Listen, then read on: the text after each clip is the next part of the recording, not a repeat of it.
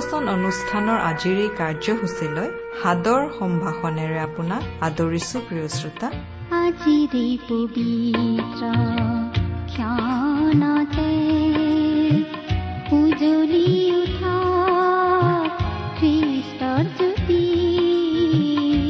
ভক্তিবচন অনুষ্ঠানৰ নিয়মীয়া শ্ৰোতাসকলৰ চিঠি পত্ৰ আৰু টেলিফোনিক বাৰ্তাসমূহে আমাক বৰ উৎসাহিত কৰিছে। ভক্তিবচন পৰিয়ালৰ তৰফৰ পৰা তেওঁলোকলৈ অশেষ ধন্যবাদ জনাইছো। প্ৰভু যীশুৰ বাণীসমূহে শ্ৰোতাসকললৈ আশীৰ্বাদ কঢ়িয়াই অনা বুলি জানিলে আমি কাম কৰি যাবলৈ অধিক বল পাওঁ। ঈশ্বৰে আপোনালোকক এইদৰে সদায় আশীৰ্বাদ কৰি থাকক। আপোনাৰ জীৱন আৰু পৰিয়ালত সদায় সুখ শান্তি আৰু প্ৰচুৰতা প্ৰভু যীশুৱে দান কৰক। শাৰীৰিক সকলো ৰোগ ব্যাধি পাৰিবাৰিক সমস্যা আৰু আত্মিক সকলো বন্ধনবোৰৰ সমাধান দিব পৰা প্ৰভু যীশুৰ বাণীসমূহে যেন আপোনাৰ জীৱনলৈ নতুনত্ব আৰু জীয়াই থকাৰ প্ৰকৃত অৰ্থ কঢ়িয়াই আনে এয়ে আমাৰ প্ৰাৰ্থনা। কাইলৈ নাই।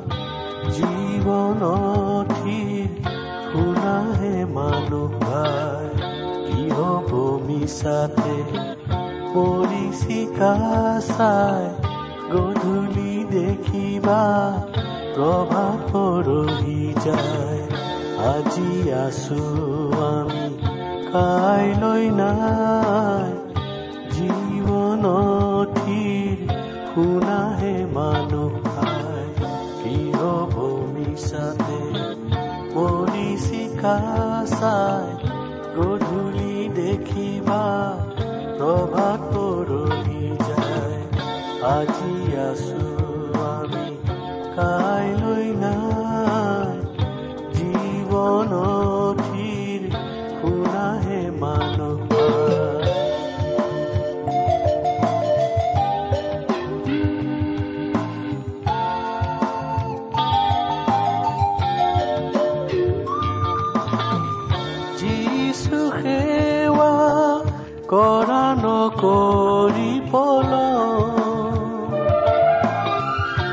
যিচু ধৰ্মৰ আমাৰ মহান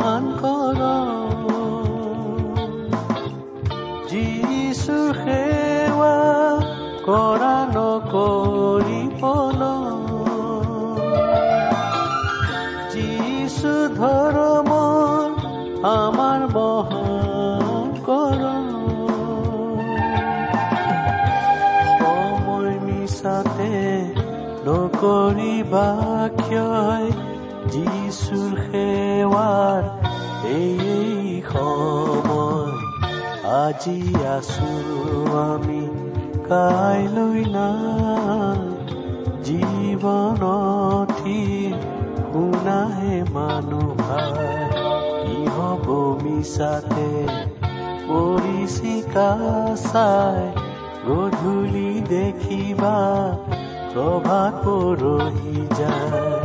আজি আছো আমি কাইলৈ নাই। জীৱনত শুনাহে মানুহ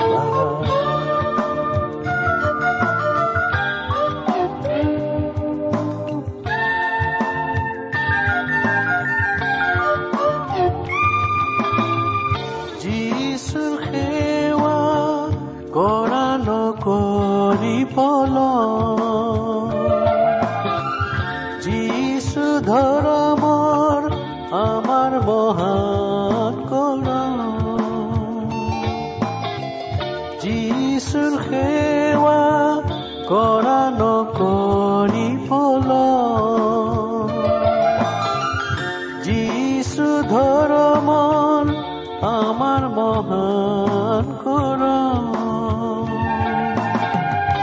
সময় মিছাতে নকৰিবা ক্ষয় যিচুৰ সেৱাৰ এই সময় আজি আছো কাইলৈ নাই জীৱনত শুনাহে মানুহ হ'ব মিছাতে পৰিচিকা চাই গধূলি দেখিবা প্ৰভাত পৰহি যায়।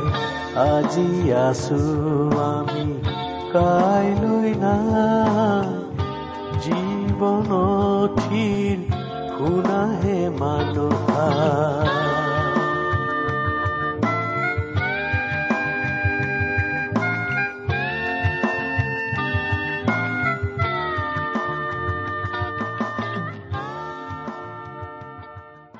আমাৰ পৰম পবিত্ৰ প্ৰভু যীশুখ্ৰীষ্টৰ নামত নমস্কাৰ প্ৰিয় শ্ৰোতা।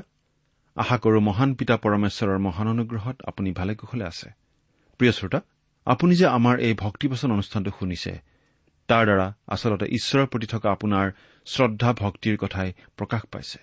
সেই মহান ঈশ্বৰৰ মহান বাক্য বাইবেল শাস্ত্ৰৰ সহজ সৰল অধ্যয়নেই আমাৰ এই ভক্তিবচন অনুষ্ঠানটোৰ উদ্দেশ্য। সেই ক্ষেত্ৰত আমি কিমান দূৰ সফল হৈছো তাৰ বিচাৰ আপোনালোকৰ হাতত। আপোনালোকৰ মতামত আদি আমালৈ চিঠি লিখি জনাবচোন। যদি আপুনি আমাৰ নিয়মীয়া শ্ৰোতা কিন্তু কেতিয়াও আমালৈ চিঠি পত্ৰ লিখা নাই তেনেহলে আজিয়ে লিখিবচোন। যদি আমালৈ মাজে সময়ে চিঠি পত্ৰ লিখি আছে তেনেহলে লিখিবলৈ যেন এৰি নিদিয়ে। আহকচোন আজিৰ বাইবেল অধ্যয়ন আৰম্ভ কৰাৰ আগতে খন্তেক প্ৰাৰ্থনাত মূৰ দুৱাওঁ হওক।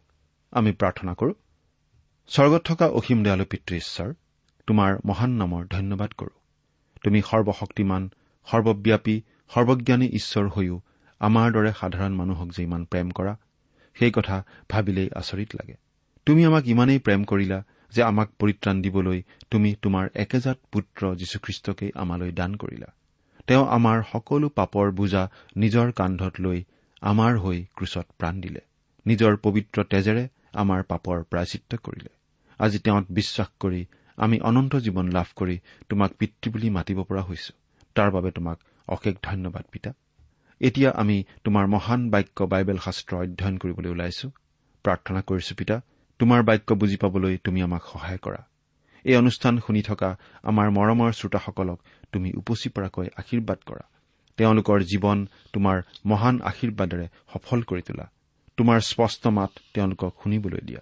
কিয়নো এই প্ৰাৰ্থনা আমাৰ মহান ত্ৰাণকৰ্তা মৃত্যুঞ্জয় প্ৰভু যীশুখ্ৰীষ্টৰ নামত আগবঢ়ালো। প্ৰিয় শ্ৰোতা আপুনি যদি আমাৰ এই ভক্তিবচন অনুষ্ঠানটো শুনি আহিছে তেনেহলে আপোনাৰ নিশ্চয় মনত আছে যে আমি ভালেমান দিন ধৰি বাইবেলৰ পুৰণি নিয়ম খণ্ডৰ গীতমালা নামৰ পুস্তকখন অধ্যয়ন কৰি আছো। আৰু ইতিমধ্যে আমি এই গীতমালা পুস্তকখনৰ এশ চল্লিছ নম্বৰ গীতলৈকে আমাৰ আলোচনা আগবঢ়ালো। আজি আমি এশ একচল্লিছ নম্বৰ গীতৰ পৰা আমাৰ আলোচনা আৰম্ভ কৰিব খুজিছো। প্ৰথম পদ দুটা পাঠ কৰি দিছো। এশ একচল্লিছ নম্বৰ গীতৰ প্ৰথম পদ আৰু দ্বিতীয় পদ।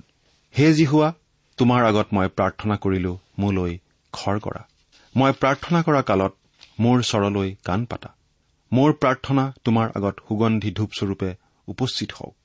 মোৰ হাত তোলাটোৱেই সন্ধ্যাৰ উপহাৰস্বৰূপ হওক। প্ৰিয় শ্ৰোতা ডায়ুদে এইদৰে প্ৰাৰ্থনা কৰিছিল। আৰু সঁচাকৈয়ে তেওঁ প্ৰাৰ্থনাৰ গভীৰ মোহত পৰিছিল। তেওঁ এজন মহান প্ৰাৰ্থনাশীল ব্যক্তি আছিল।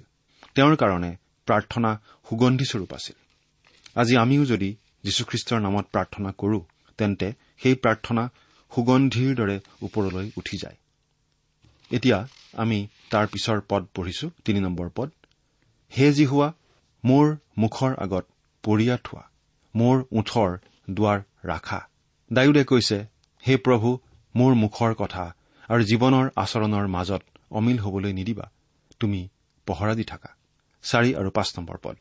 কুকৰ্মী মানুহৰ লগত দুষ্টতাৰ কাৰ্য কৰিবলৈ কোনো মন্দ বিষয়লৈ মোৰ মন নিনিবা। সিহঁতৰ সোৱাদ বস্তু মোক খাবলৈ নিদিবা। ধাৰ্মিক লোকে মোক প্ৰহাৰ কৰক সেয়ে দয়াহে। আৰু তেওঁ মোক অনুযোগ কৰক সেয়ে মোৰ মূৰত দিয়া তেলৰ নিচিনা হ'ব। মোৰ মূৰে তাক অগ্ৰাহ্য নকৰক কিয়নো সিহঁতৰ দুষ্টতাসমূহৰ মাজতো মই প্ৰাৰ্থনা কৰি থাকিম। প্ৰিয় শ্ৰোতা দুষ্ট মন্দ অন্যায় আৰু দুৰ্নীতি ইত্যাদিৰে ভৰা যিখন জগতত আমি বাস কৰি আছো এই জগতত আমি চলা ফিৰা কৰোতে অতি সাৱধানেৰে চলিব লাগে। যাতে এই মন্দ জগতে আমাকো মন্দ কৰি পেলাব নোৱাৰে তাৰ প্ৰতি আমি সাৱধান হ'ব লাগে। প্ৰথম জোহন তিনি অধ্যায় বাইশ পদত এইদৰে কোৱা হৈছে আৰু আমি যিহকে যাচনা কৰো তাকেই আমি তেওঁৰ পৰা পাওঁ কিয়নো আমি তেওঁৰ আজ্ঞাবোৰ পালন কৰো আৰু তেওঁৰ দৃষ্টিত যি সন্তোষজনক তাকে কৰো। ডায়ুদে তেওঁৰ জীৱনৰ পৰা অধৰ্মবোৰ দূৰ কৰিবলৈ ঈশ্বৰৰ ওচৰত নিবেদন কৰিছিল। আৰু ঠিক সেইদৰে তেওঁ উত্তৰ পাইছিল। আমিও উত্তৰ পাবলৈ হলে ডায়ুদৰ দৰে প্ৰাৰ্থনা কৰিব লাগিব। ছয় নম্বৰ পদৰ পৰা দহ নম্বৰ পদ যেতিয়া সিহঁতৰ বিচাৰকৰ্তাবোৰক শিলৰ কাষেদি তললৈ বগৰাই পেলোৱা হ'ব তেতিয়া সিহঁতে মোৰ বাক্য শুনিব। কিয়নো সেয়ে মধুৰ। কোনো এজনে হাল বাই মাটি ভঙাত যেনে হয় তেনেকৈ আমাৰ অস্থিবোৰ চিউলৰ মুখত ছিন্ন ভিন্ন হৈছে। কিয়নো হে প্ৰভুজী হোৱা মোৰ চকু তোমালৈ আছে। মই তোমাত আশ্ৰয় লওঁ। মোৰ প্ৰাণ উবাৰি নেপেলাবা। সিহঁতে মোলৈ পতা ফাণ্ডৰ পৰা মোক ৰক্ষা কৰা। কুকৰ্মীহঁতৰ কুণ্ডাৰ পৰা মোক ৰক্ষা কৰা। মই ৰক্ষা পোৱা কালত দুষ্টবোৰৰ নিজৰ জালতে পতিত হওঁ।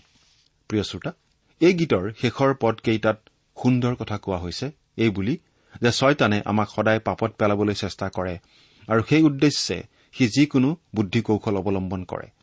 তাৰ সকলোবিলাক কৌশল আমি বুজি নাপাওঁ। আমি বৰ জ্ঞানীও নহয় আৰু ছয়তানৰ দৰে ধূৰ্তও নহয়। আমাক সোঁৱে বাওঁৱে আগে পাছে ভয় প্ৰলোভন ইত্যাদি সকলোবোৰ অস্ত্ৰেৰে ছয়তানে আক্ৰমণ কৰে। সেইকাৰণে তাৰ আক্ৰমণৰ পৰা ৰক্ষা পাবলৈ আমি প্ৰাৰ্থনাৰে ঈশ্বৰৰ হাতত নিজকে অৰ্পণ কৰিব লাগে। এতিয়া আমি এশ বিৰাল্লিছ নম্বৰ গীতৰ পৰা চাব খুজিছো। এই এশ বিৰাল্লিছ নম্বৰ গীতৰ মূল বিষয়টো হ'ল ডায়ুদৰ জীৱনত দুখৰ আৰম্ভণি। শত্ৰুৰ ভয়ত ডায়ুদে পলাই ফুৰিবলগীয়া হৈছিল আৰু সেই সময়ত তেওঁ গুহাত লুকাই আছিল। গুহাত লুকাই থকা সময়ত তেওঁ এই প্ৰাৰ্থনাটি কৰিছিল। এয়া ডায়ুদৰ প্ৰাৰ্থনা হলেও ই ঈশ্বৰৰে নিশ্বাসিত বাক্য। ইয়াৰ যোগেদি ঈশ্বৰে আমাক এই উপদেশ দিব বিচাৰিছে যে আমাৰ দুখৰ কালতো আমি ডায়ুদৰ দৰে যদি তেওঁৰ চৰণত প্ৰাৰ্থনা কৰো তেন্তে ঈশ্বৰে আমাৰ প্ৰাৰ্থনা শুনিব আৰু সংকটৰ পৰা আমাক উদ্ধাৰ কৰিব। এয়া শুনক এশ বিৰাল্লিছ নম্বৰ গীতৰ প্ৰথম পদটো। মই নিজ স্বৰেৰে জিহুৱাৰ আগত কাটৰোক্তি কৰিছো। নিজ স্বৰেৰে জিহুৱাৰ আগত মিনতি কৰিছো। ৰজা চৌল ডায়ুদৰ ঘূৰ শত্ৰু আছিল আৰু সেইকাৰণে তেওঁ ডায়ুদক প্ৰাণে মাৰিব বিচাৰিছিল। প্ৰাণৰ ভয়ত ডায়ুদ পলাই গৈ গুহাত লুকাই আছিল আৰু তেতিয়া তেওঁ এই প্ৰাৰ্থনাটি কৰিছিল। দুই নম্বৰ পদ তেওঁৰ আগত মোৰ দুখৰ কথা ভাঙি কৈছো। তেওঁৰ আগত মোৰ কষ্ট জনাইছো। আমাৰ শ্ৰোতাসকলৰ কিছুমানে প্ৰশ্ন কৰে তেওঁলোকেনো কেনেকৈ প্ৰাৰ্থনা কৰিব লাগে? কেনেকৈ প্ৰাৰ্থনা কৰিব লাগে? তাকে জানিবলৈ এই ডায়ুদৰ প্ৰাৰ্থনালৈ মন কৰক। তেওঁ ঈশ্বৰক সকলো কথা ভাঙি পাতি কৈছিল। মনৰ কথা জীৱনৰ কথা দুখ সংকটৰ কথা আৰু গুপুত পাপৰ কথা সকলো কথা খুলি কৈছিল। তেওঁৰ দৰে আমিও আমাৰ জীৱনৰ সকলো কথা আনকি মানুহক ক'ব নোৱাৰা গুপুত পাপৰ কথাও ঈশ্বৰক ক'ব পাৰো। আৰু আমি যদি কওঁ ঈশ্বৰে শুনিব আৰু শুনি আমাক প্ৰাৰ্থনাৰ উত্তৰ দিব। অৱশ্যে আমাৰ সকলো কথা ঈশ্বৰে জানে কিন্তু তথাপিতো প্ৰাৰ্থনা কৰিলে তেওঁ উত্তৰ দিবলৈ ভাল পায়। সেইকাৰণে সংকোচ নকৰাকৈ ডায়ুদে কোৱাৰ দৰে আপুনিও ঈশ্বৰক সকলো কথা ক'ব পাৰে। প্ৰিয় শ্ৰোতা আমাৰ ঈশ্বৰ দয়ালু ঈশ্বৰ আৰু অনবৰতেই আমাক গ্ৰহণ কৰিবলৈ সাজু হৈ থকা ঈশ্বৰ। সেই ঈশ্বৰৰ আগত আমি মনৰ সকলো কথা খুলি ক'ব পাৰো। ইয়াতকৈ আৰু ডাঙৰ কথা কিবা আছেনে? প্ৰিয় শ্ৰোতা আপুনি যদি সকলো কথা ঈশ্বৰৰ আগত খুৰি ভাঙি কয় তেন্তে ঈশ্বৰে আপোনাক সহায় কৰিব আশীৰ্বাদ কৰিব মনত সুখ শান্তি আৰু আনন্দ দিব। কাৰণ সৰ্বশক্তিমান ঈশ্বৰ আপোনাৰ পৰম বন্ধু আৰু ৰক্ষক হ'ব। ঈশ্বৰৰ লগত ডায়ুদে এটা গভীৰ আৰু নিগৃঢ় সম্বন্ধ স্থাপন কৰিছিল। সেইকাৰণে তেওঁ সকলো দুখ কষ্ট আপদ বিপদৰ কথা ঈশ্বৰক খোলাখুলিকৈ ক'ব পাৰিছিল। আৰু সৰ্বশক্তিমান ঈশ্বৰে তেওঁক সুৰক্ষা প্ৰদান কৰিছিল। নহলে পাগল ৰজা চৌলৰ হাতৰ পৰা তেওঁ ৰক্ষা পাব নোৱাৰিলেহেঁতেন। কাৰণ ডেকা অৱস্থাত ডায়ুদ যেতিয়া ইছৰাইলৰ ৰজা হৈছিল তেতিয়াই চৌলে তেওঁক বধ কৰিবলৈ চেষ্টা চলাইছিল। এবাৰ চৌলে ডায়ুদৰ গালৈ হাতত থকা জাঠিপাত মাৰি পঠিয়াইছিল। সেই জাঠিপাত ডায়ুদৰ গাত লগা হলে তেওঁ দেৱালৰ লগত গঠা গলহেঁতেন। তাৰ পাছতো চৌলে ডায়ুদক এনেদৰে খেদি ফুৰিছিল যেনিবা চিকাৰীয়ে মানুহ খোৱা বাঘ এটাকে মাৰিবলৈ খেদি ফুৰিছে। এই অৱস্থাত ডায়ুদে সম্পূৰ্ণৰূপে ঈশ্বৰৰ হাতত নিজকে সোধাই দিছিল আৰু কান্দি কান্দি প্ৰাৰ্থনা কৰিছিল। পদ। মোৰ আত্মা মোৰ অন্তৰত ব্যাকুল হোৱা সময়ত তুমিয়েই মোৰ পথ জানা। মই যোৱা বাটত সিহঁতে মোলৈ গুপুতে ফাণ্ড পাতিলে। প্ৰিয় শ্ৰোতা ডায়ুদক ধৰিবলৈ চৌলে সকলো প্ৰকাৰে চেষ্টা চলাইছিল। ডায়ুদ অহা যোৱা কৰা বাটত মানুহ ৰাখিছিল ফাণ্ড পাতিছিল আৰু চোৰাংচোৱা গুপ্তচৰ ইত্যাদিকো ব্যৱহাৰ কৰিছিল। কিন্তু ডায়ুদ হলে ঈশ্বৰৰ ওপৰত ভৰসা কৰি নিৰাপদে আছিল। সকলো শত্ৰু আৰু ফাণ্ডৰ পৰা ঈশ্বৰে তেওঁক বচাই ৰাখিছিল। চাৰি নম্বৰ পদ দক্ষিণলৈ দৃষ্টি কৰি চোৱা। মোক জানোতা কোনো নাই। মই নিৰাশ্ৰয় হলো কোনেও মোৰ প্ৰাণৰ বিচাৰ নলয়। ডায়ুদ যেতিয়া পলাই গৈছিল তেতিয়া প্ৰথম অৱস্থাত তেওঁ অকলশৰীয়া আছিল। তেওঁৰ কোনো সংগী নাছিল কিন্তু পাছত তেওঁ অকলশৰীয়া নাছিল। তেওঁৰ লগত প্ৰায় চাৰিশজনমান মানুহ আছিল। আচলতে ঈশ্বৰে তেওঁৰ নিসংগ অৱস্থাটো জানিছিল আৰু সেইকাৰণে ডায়ুদৰ বাবে সংগী যোগাৰ কৰি দিছিল। পাঁচ ছয় আৰু সাত নম্বৰ পদ। হে যি হোৱা মই তোমাৰ আগত কাটৰোক্তি কৰি কৈছো তুমিয়েই মোৰ আশ্ৰয়। জীৱিতবিলাকৰ দেশত তুমিয়েই মোৰ অংশ। মোৰ কাকতিলৈ মনোযোগ কৰা। কিয়নো মই অতি দুৰৱস্থাত পৰিছো। মোৰ তাৰণাকাৰীবোৰৰ পৰা মোক উদ্ধাৰ কৰা কাৰণ সিহঁত মোতকৈ বলৱন্ত। মই তোমাৰ নামৰ ধন্যবাদ কৰিবলৈ মোৰ প্ৰাণ বন্দীশালৰ পৰা মুক্ত কৰা। তুমি মোৰ মংগল কৰা দেখি ধাৰ্মিকবিলাকে মোক আৱৰি ধৰিব। প্ৰিয় শ্ৰোতা ডায়ুদে ৰক্ষা পাবলৈ গুহাত লুকাইছিল সঁচা। কিন্তু ঈশ্বৰে তেওঁক ৰক্ষা নকৰা হলে চৌলে তেওঁক গুহাতেই বিচাৰি পালেহেঁতেন। ডায়ুদৰ দৰে ঈশ্বৰে আমাকো জ্ঞান বুদ্ধি বিবেচনা ইত্যাদি দিছে। আমি যদি এই গুণবিলাক সহজভাৱে সঠিক সময়ত উপযুক্তভাৱে ব্যৱহাৰ কৰো তেন্তে সেইবিলাকৰ ওপৰত ঈশ্বৰে আশীৰ্বাদ কৰিব। এই গীতটোৰ যোগেদি আমি জানিব পাৰিলো যে ডায়ুদৰ জীৱনত এহাতে বিপদ সংকট আৰু আনহাতে ঈশ্বৰৰ সুৰক্ষা আছিল। এই সুৰক্ষাৰ কাৰণে তেওঁ সকলো সংকটৰ পৰা ৰক্ষা পাই মৃত্যুৰ সময়লৈকে এজন বিখ্যাত ৰজা আৰু ঈশ্বৰৰ মনোনীত লোক হৈ থাকিব পাৰিছিল।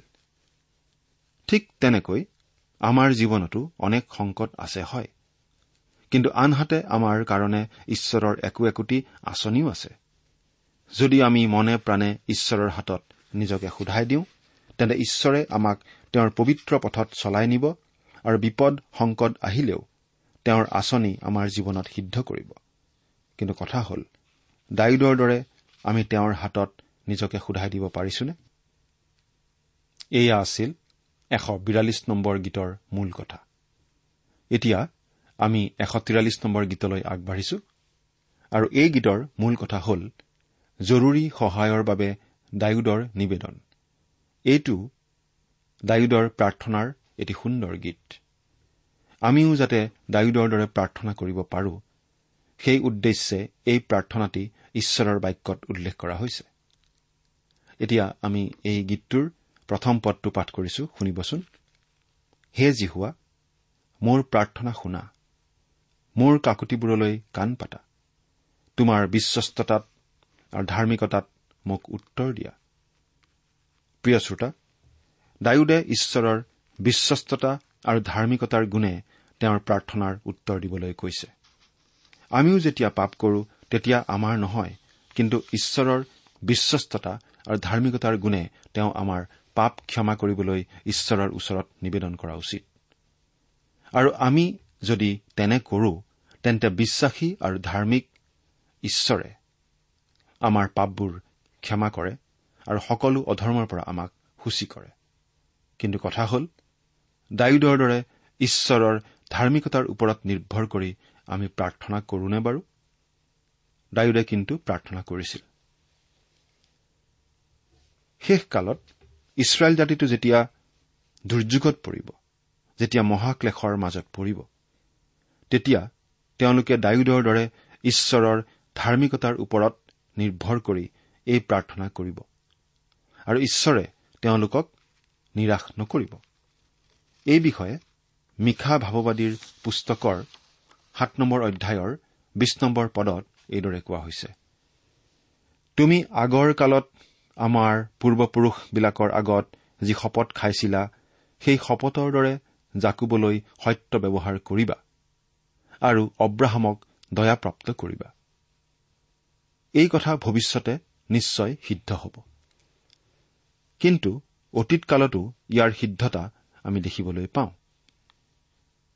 অৰ্থাৎ ইছৰাইল জাতিৰ লোকসকলে যেতিয়া মিছৰ দেশত বন্দী হৈ আছিল তেতিয়া তেওঁলোকৰ দুখ যন্ত্ৰণা আপদ বিপদ কোলাই পাচিয়ে নধৰা হৈছিল।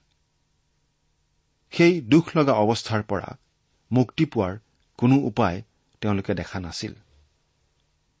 তেওঁলোক সম্পূৰ্ণ আশাহীন অৱস্থাত আছিল। তেতিয়া তেওঁলোকে ঈশ্বৰলৈ কাটৰোক্তি কৰিছিল। তেতিয়া ঈশ্বৰে তেওঁলোকৰ সেই কেকনি শুনিছিল আৰু ঈশ্বৰে অব্ৰাহাম ইছহাক আৰু জাকুবৰ লগত কৰা নিয়মটি সোঁৱৰণ কৰি ইছৰাইলক সেই বন্দী অৱস্থাৰ পৰা উদ্ধাৰ কৰি আনিছিল আৰু তেওঁলোকক আশীৰ্বাদ আৰু দয়া কৰিছিল। কাৰণ ঈশ্বৰ সত্য আৰু নিজ বাক্যৰ প্ৰতি বিশ্বাসী নিজ প্ৰতিজ্ঞা পালন কৰিবলৈ সদায় তেওঁ দায়বদ্ধ। এইখিনিতে কোনোবাই প্ৰশ্ন কৰিব পাৰে যে আজি ঈশ্বৰে ইছৰাইলক কিয় দয়া কৰা নাই বাৰু? ইয়াৰ উত্তৰ আমি ৰমিয়া দহ নম্বৰ অধ্যায়ৰ তিনি নম্বৰ পদত এনেদৰে পাওঁ। কাৰণ তেওঁলোকে ঈশ্বৰৰ ধাৰ্মিকতা অৱহেলা কৰি নিজৰ ধাৰ্মিকতা স্থাপন কৰিবলৈ বিচাৰি ঈশ্বৰৰ ধাৰ্মিকতাৰ বশীভূত নহল। আজি এই সমস্যা কেৱল ইছৰাইলৰেই নহয় বৰং সকলো জাতিৰ মাজত আমি দেখা পাওঁ। সকলোৱে আজি নিয়ম নীতি আৰু বিধান পালনৰ যোগেদি ধাৰ্মিক হ'ব বিচাৰে কিন্তু ঈশ্বৰৰ ধাৰ্মিকতা হলে গ্ৰহণ নকৰে। ঈশ্বৰক সন্তুষ্ট কৰিবলৈ মানুহে কিবা নহয় কিবা এটা কৰিব বিচাৰে। কিন্তু ঈশ্বৰে যে মানুহৰ কাৰণে ইতিমধ্যেই কিবা এটা কৰিলে সেই কথাটোলৈহে মন নকৰে।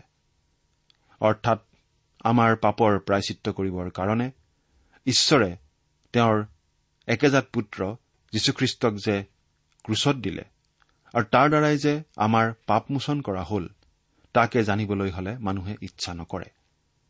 কিন্তু যিসকলে এই কথাটো বিশ্বাসেৰে গ্ৰহণ কৰিছে তেওঁৱেই ঈশ্বৰৰ দৃষ্টিত ধাৰ্মিক বুলি পৰিগণিত হৈছে। কাৰণ ধাৰ্মিকতালৈ বিশ্বাস কৰা প্ৰত্যেকজনলৈ খ্ৰীষ্টই বিধানৰ শেষ। দুই নম্বৰ পদৰ পৰা ছয় নম্বৰ পদ তোমাৰ দাসক বিচাৰলৈ নিনিবা কিয়নো তোমাৰ দৃষ্টিত কোনো জীৱিত লোক ধাৰ্মিক নহয় কাৰণ শত্ৰুৱে মোৰ প্ৰাণক তাৰণা কৰিলে মোৰ জীৱন মাটিত পেলাই গুৰি কৰিলে মোক অন্ধকাৰময় ঠাইত বসতি কৰাই কেতিয়াবাই মৰা মানুহৰ দৰে কৰিলে এই হেতুকে মোৰ আত্মা মোৰ অন্তৰত ব্যাকুল হৈছে। মোৰ অন্তৰত মোৰ মন বিমূৰ হৈছে। মই পূৰ্বকালৰ দিন সোঁৱৰণ কৰিছো। তোমাৰ সমুদায় কৰ্ম ধ্যান কৰিছো। তোমাৰ হাতৰ কাৰ্য আলোচনা কৰিছো। মই তোমালৈ হাত মেলিছো। শুকান ভূমিৰ নিচিনাকৈ মোৰ প্ৰাণ তোমালৈ তৃষ্ণাতুৰ হৈছে। এয়া কি সুন্দৰ কথা চাওকচোন। ডায়ুদে ঈশ্বৰৰ সকলোবোৰ কৰ্ম সোঁৱৰণ কৰিছে আৰু ঈশ্বৰৰ ধাৰ্মিকতালৈ হাবিয়াস কৰিছে। সাত আৰু আঠ নম্বৰ পদ। হে যি হোৱা শীঘ্ৰে মোক উত্তৰ দিয়া। মোৰ প্ৰাণ ক্ষীণ হৈ গৈছে। মই যেন গাতলৈ নামি যোৱাবিলাকৰ নিচিনা নহওঁ। এই নিমিত্তে মোৰ পৰা তোমাৰ মুখ লুকুৱাই নাৰাখিবা। ৰাতিপুৱাতে মোক তোমাৰ কৃপাৰ বচন শুনোৱা কাৰণ মই তোমাত ভাৰসা কৰিছো। মই চলিবলগীয়া পথ মোক জনোৱা কিয়নো মই তোমালৈ হাবিয়াস কৰিছো। প্ৰিয় শ্ৰোতা ডায়ুদে অতি সোনকালে ঈশ্বৰৰ পৰা সহায় বিচাৰিছে আৰু কৈছে যে ঈশ্বৰে নকৰিলে তেওঁক সহায় কৰোতা আৰু কোনো নাই। ন পদৰ পৰা বাৰ নম্বৰ পদলৈকে পাঠ কৰি দিম। হে যি হোৱা মোৰ শত্ৰুবোৰৰ পৰা মোক উদ্ধাৰ কৰা। মোক লুকুৱাই ৰাখিবৰ নিমিত্তে মই তোমাৰ ওচৰলৈ পলাই আহিছো। তোমাৰ ইষ্ট কৰ্ম সিদ্ধ কৰিবলৈ মোক শিক্ষা দিয়া কিয়নো তুমিয়েই মোৰ ঈশ্বৰ। তোমাৰ আত্মা মংগলময়। সমান ভূমিয়েদি মোক চলাই নিয়া। হে যি হোৱা তোমাৰ নামৰ কাৰণে মোক পুনৰাই জীওৱা। তোমাৰ ধাৰ্মিকতাৰ গুণেৰে সংকটৰ পৰা মোৰ প্ৰাণ উদ্ধাৰ কৰা। নিজ দয়াৰে মোৰ শত্ৰুবোৰক উচ্ছন্ন কৰা আৰু মোৰ প্ৰাণৰ বৈৰী আটাইবোৰক সংহাৰ কৰা কিয়নো মই তোমাৰ দাস। প্ৰিয় শ্ৰোতা এই পদকেইটাৰ বচনসমূহৰ দ্বাৰা ঈশ্বৰৰ ওপৰত ডায়ুদৰ যি বিশ্বাস আৰু আস্থা আছিল সেই কথাটো আমাক জানিবলৈ দিয়া হৈছে। যাতে আমিও সৰ্বশক্তিমান ঈশ্বৰৰ পৰা সুৰক্ষা আশা শান্তি আনন্দ ইত্যাদি পাব পাৰো। খোজা মাত্ৰেই দিবলৈ সাজু থকা সেই ঈশ্বৰৰ ওচৰলৈ আপুনি বাৰু আগবাঢ়ি গৈছেনে? প্ৰভু যীশুৰ যোগেৰে সেই মহান ঈশ্বৰৰ কাষ আমি সকলোৱে চাপিব পাৰো। সেই বাট আমাৰ সকলোলৈকে মুকলি হৈ আছে। সেই বাটেৰে আপুনি বাৰু বাট বুলিছেনে? চিন্তা কৰি চাওকচোন। ঈশ্বৰে আমাক সকলোকে আশীৰ্বাদ কৰক। ধন্যবাদ। প্ৰিয় শ্ৰোতা ইমান পৰে আপুনি বাইবেল শাস্ত্ৰৰ পৰা ঈশ্বৰৰ বাক্য শুনিলে। এই বিষয়ে আপোনাৰ মতামত জানিবলৈ পালে আমি নথৈ আনন্দিত হ'ম। আমি প্ৰস্তুত কৰা বাইবেল অধ্যয়নৰ চিডিসমূহ পাব বিচাৰিলে আৰু অনুষ্ঠানত প্ৰচাৰ কৰা কোনো কথা বুজিব লগা থাকিলেও আমালৈ লিখক। আমাৰ যোগাযোগৰ ঠিকনা ভক্তিবচন ট্ৰান্সৱৰ্ল্ড ৰেডিঅ' ইণ্ডিয়া ডাক বাকচ নম্বৰ সাত শূন্য গুৱাহাটী সাত আঠ এক শূন্য শূন্য এক।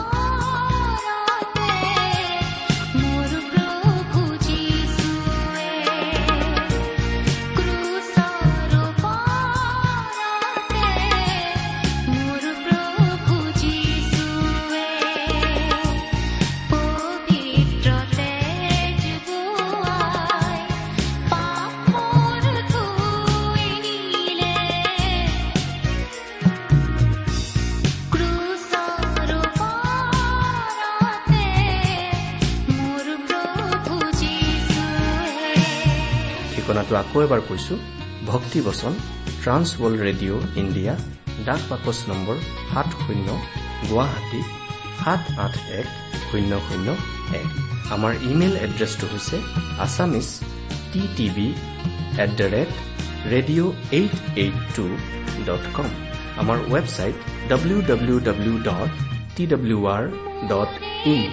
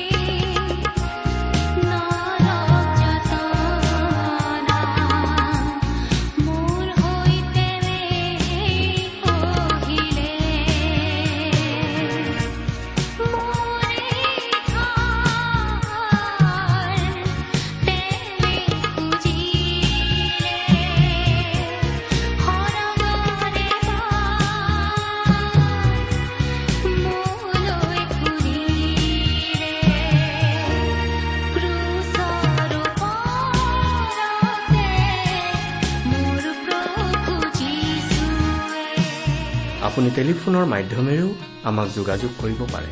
আমাৰ টেলিফোন নম্বৰটো হৈছে nine eight five four zero' four zero' eight eight nine. Phone নম্বৰটো আকৌ এবাৰ কৈছো ন আঠ পাঁচ চাৰি শূন্য চাৰি শূন্য আঠ আঠ ন। আপুনি এই ভক্তিবচন অনুষ্ঠানটি আমাৰ website radio' eight eight two dot কমতো শুনিব পাৰিব। আজিৰ অনুষ্ঠানটি ইমানতেই সামৰিছো। ঈশ্বৰৰ শান্তি আৰু অনুগ্ৰহ আপোনাৰ লগত থাকক।